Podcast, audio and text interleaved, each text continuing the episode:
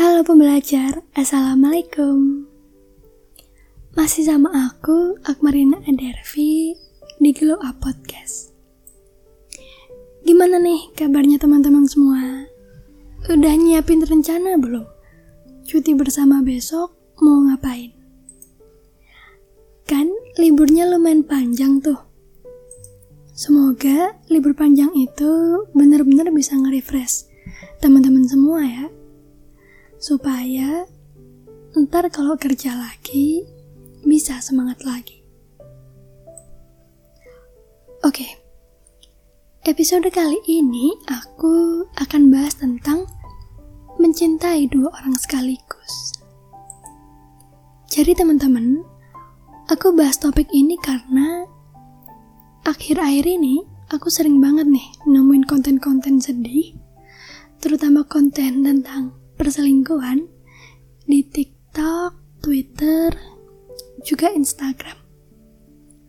Bahkan nih teman-teman, drama Korea soal perselingkuhan itu lagi naik banget akhir-akhir ini.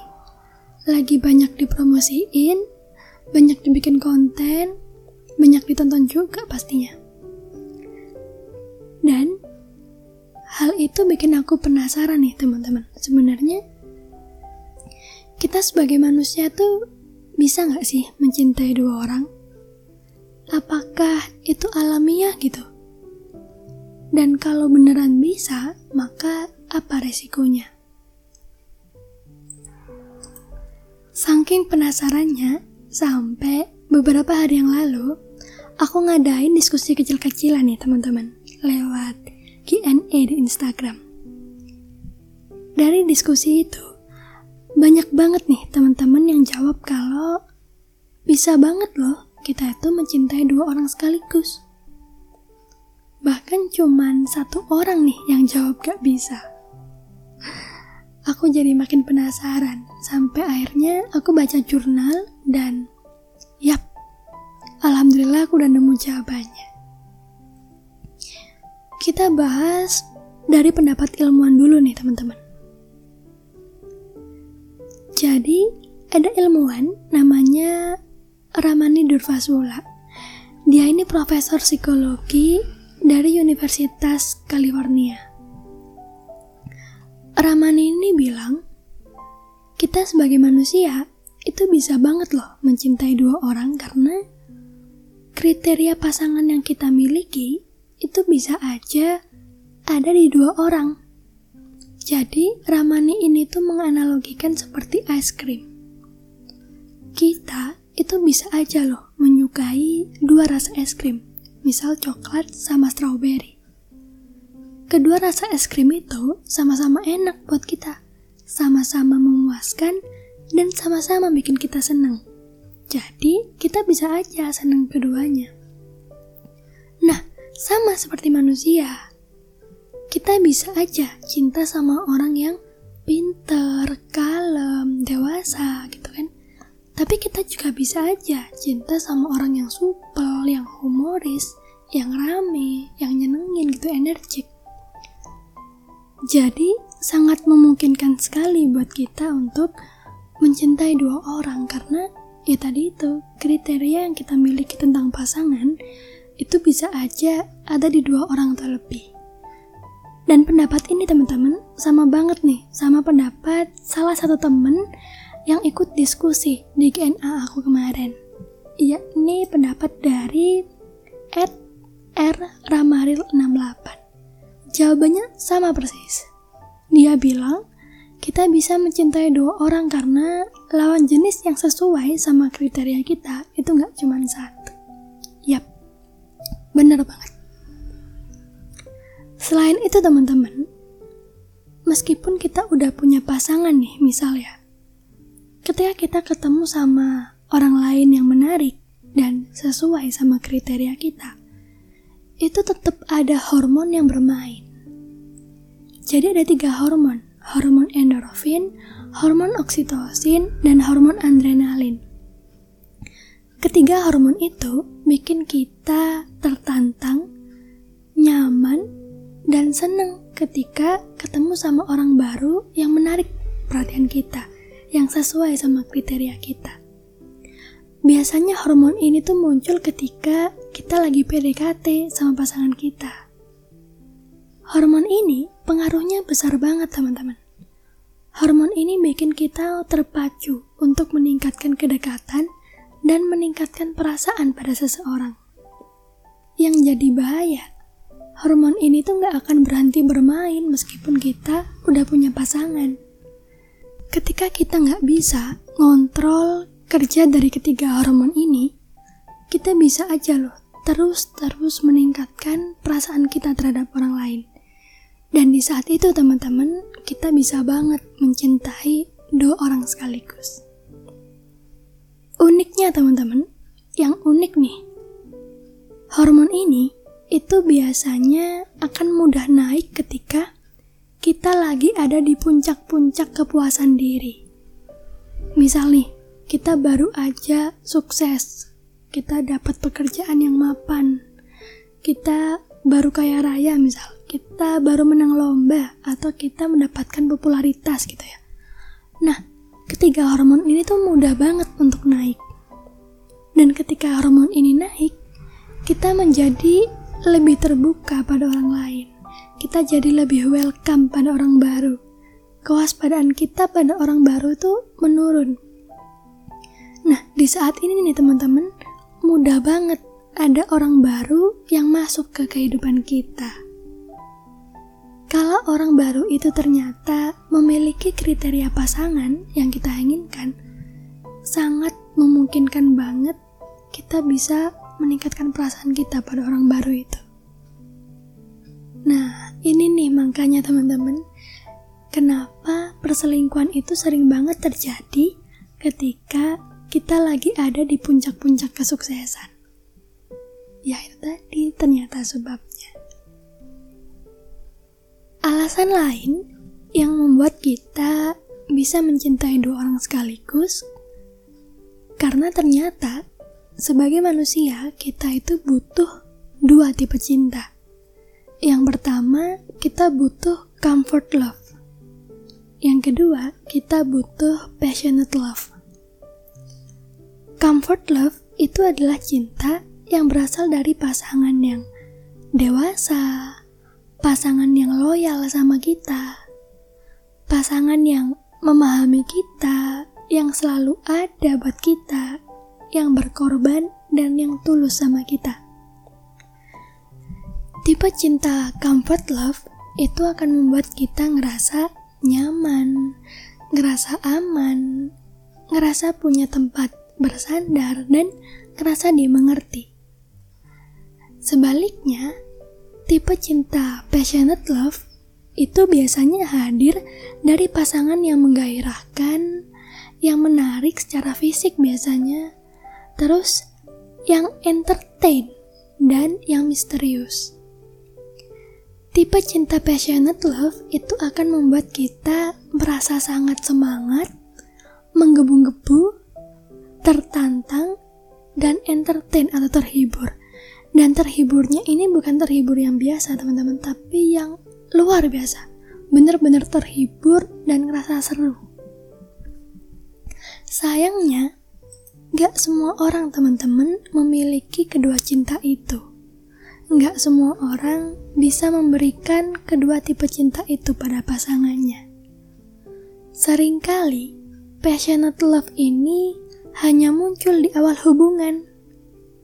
Setelah hubungannya udah berlangsung lama gitu ya, pasangan kita biasanya udah gak menarik dulu, udah gak semenarik dulu.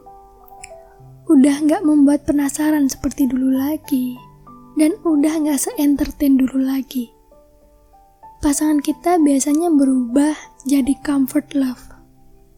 Dan hal ini teman-teman bikin sebagian orang mulai mencari lagi passionate love-nya pada orang lain. Nah, hal ini teman-teman yang menjadikan kenapa sih perselingkuhan itu terjadi?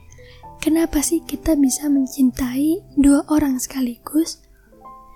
Karena kita bisa mendapatkan kedua tipe cinta itu dengan mencintai dua orang yang berbeda. Sampai sini, kita bisa tarik kesimpulan nih teman-teman, bahwa mencintai dua orang dalam waktu yang bersamaan itu bisa banget terjadi. Secara hormon dan secara kebutuhan sama-sama mendukung hal itu. Dan di kenyataan pun sering banget terjadi. Tapi, apakah karena kita bisa, maka kita perlu melakukannya? Kalau menurut aku, di setiap pilihan selalu ada resikonya. Sebelum teman-teman memilih untuk mencintai dua orang, aku mau kasih tahu dulu nih teman-teman tentang resiko apa sih yang akan teman-teman hadapi. Jadi, ada sebuah penelitian yang bagus banget oleh William and Helen Gert. Mereka berasal dari University of Nevada. Mereka meneliti 32 responden, wanita dan pria, yang semuanya itu punya hubungan segitiga atau hubungan dengan dua orang sekaligus. Hasil penelitiannya ini seru banget teman-teman karena di sana digambarkan gimana sih dinamikanya kehidupan orang yang mencintai dua orang sekaligus. Mulai senang-senangnya sampai resiko-resiko besar yang harus mereka hadapi. Di penelitian ini, respondennya itu mengungkapkan bahwa mereka merasa komplit, mereka merasa terlengkapi ketika berselingkuh atau mencintai dua orang sekaligus. Mereka memiliki pasangan yang loyal dan yang setia bertahun-tahun sama mereka. Pasangan yang memahami mereka dan selalu ada buat mereka. Tapi, di sisi lain, mereka juga merasa bersemangat, merasa entertain, dan merasa bahagia dengan orang lain yang lebih menarik, dengan orang lain yang lebih energik dan lebih menggairahkan dan juga misterius. Tapi, ketika hubungan segitiga mereka berlangsung lama, mulai banyak masalah yang harus mereka hadapi. Dan banyak juga resiko besar yang harus mereka terima.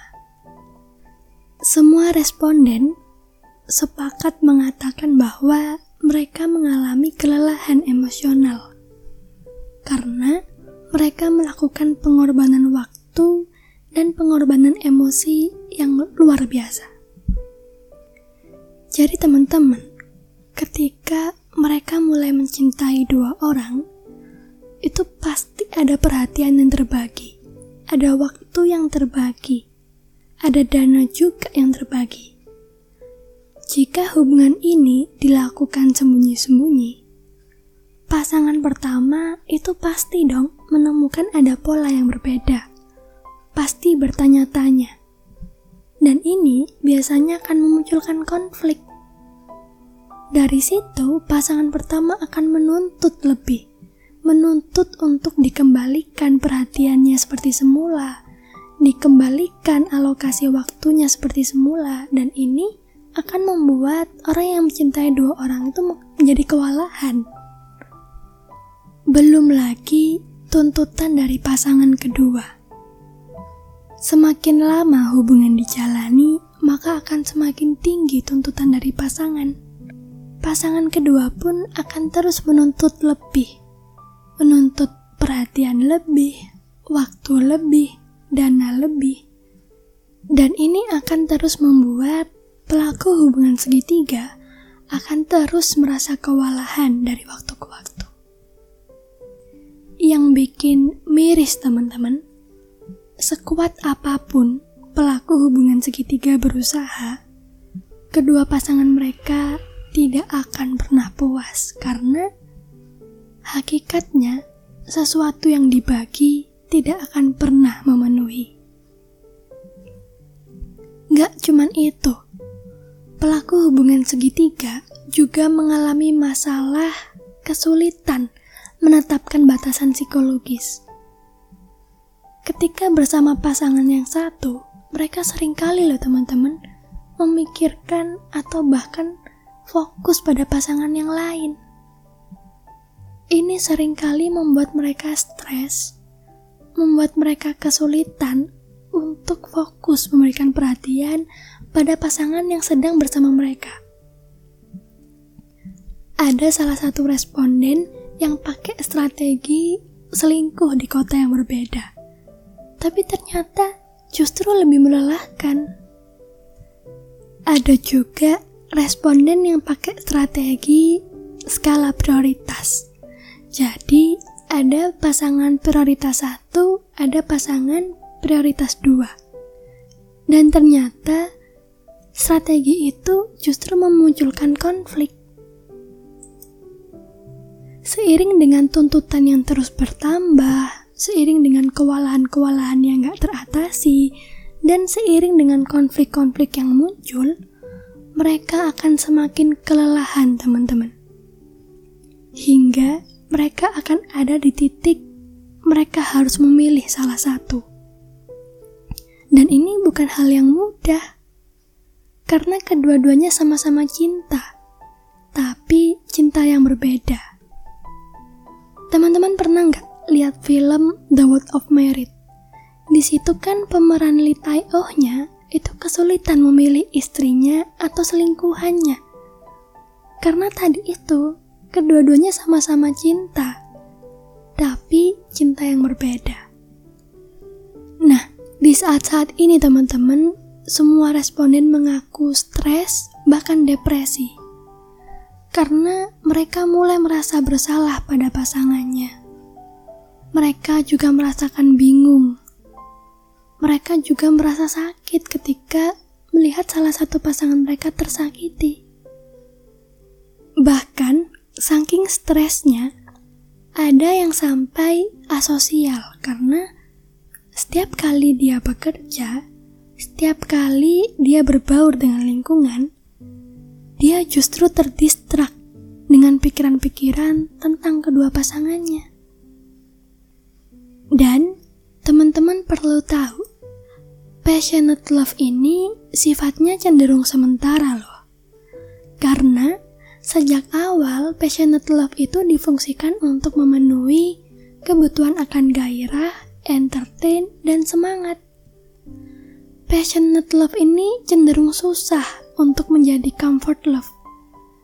Jadi, pasangan passionate love itu cenderung susah teman-teman untuk menggantikan karakter dari pasangan comfort love. Justru akan ada titik ketika pasangan passionate love ini tuntutannya mulai tinggi gitu ya. Pelaku hubungan segitiga itu mulai merasa bosan sama passionate love-nya. Dan ini terjadi teman-teman pada responden penelitian itu. Ketika pertama kali selingkuh, mereka semangat banget sama selingkuhannya mereka nggak fokus sama istrinya. Bahkan mereka merasa terganggu ketika berhubungan atau berkomunikasi sama istrinya. Tapi ketika tuntutan dari selingkuhannya ini mulai meningkat, terus konflik-konflik dengan passionate love-nya atau dengan selingkuhannya ini mulai gak bisa diatasi, mereka justru rindu sama istrinya. Mereka justru merasa bersalah sama istrinya mereka jadi nggak menikmati lagi perselingkuhannya. Dan justru muncul rasa sayang yang lebih besar ketika melihat istrinya masih setia.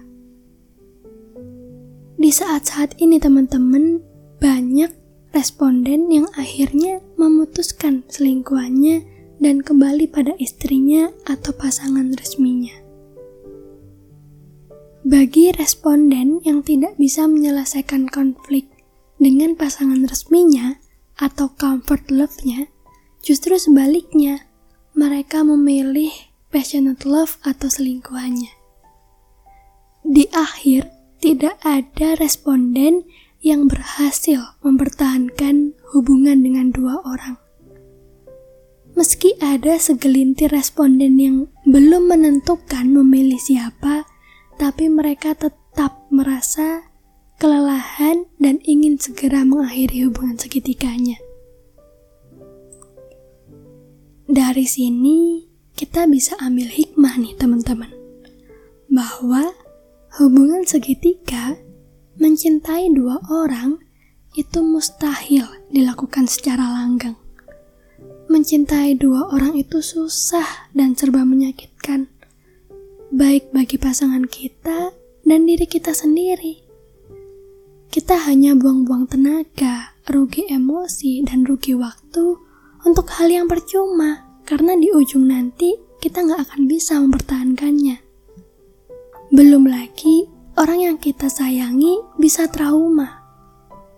Kalau semisal kita punya anak, anak kita bisa trauma. Banyak banget dampak buruk yang harus kita hadapi setelahnya.